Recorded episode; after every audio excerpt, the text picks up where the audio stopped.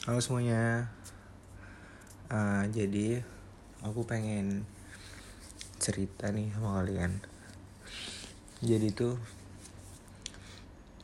jadi tuh aku kan harusnya praktek berlayar. Cuman sampai sekarang aku belum bisa berlayar karena uh, keadaan dunia yang makin gak jelas yang gak tahu kapan membaiknya yang akses ke mana-mana tuh sekarang tuh susah.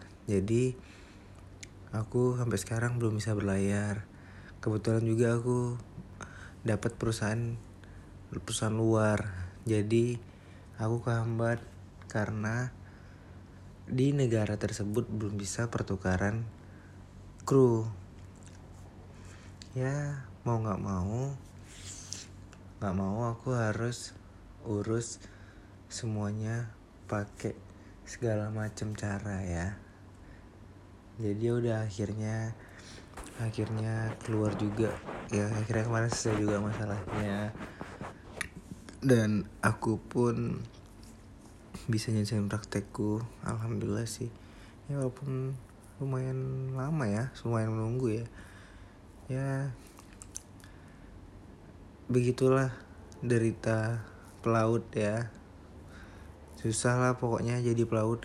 Buat kalian semua yang mau jadi pelaut dipikir-pikir dulu deh kalau kalian mau jadi pelaut. Karena jadi pelaut tidak segampang yang kalian bayangkan.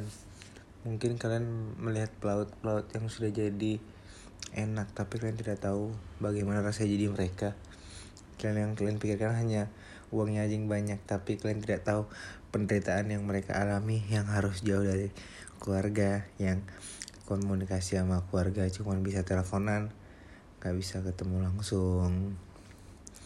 Ya begitulah ya.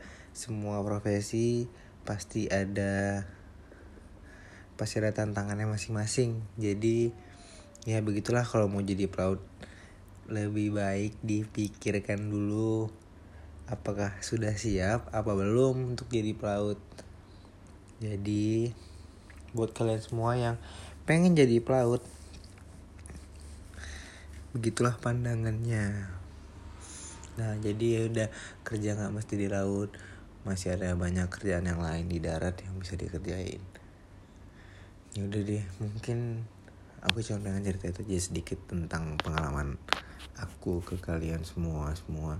Semoga ya ada yang bisa diambil lah dari pengalamanku tadi. Oke okay, see you guys. Bye bye thank you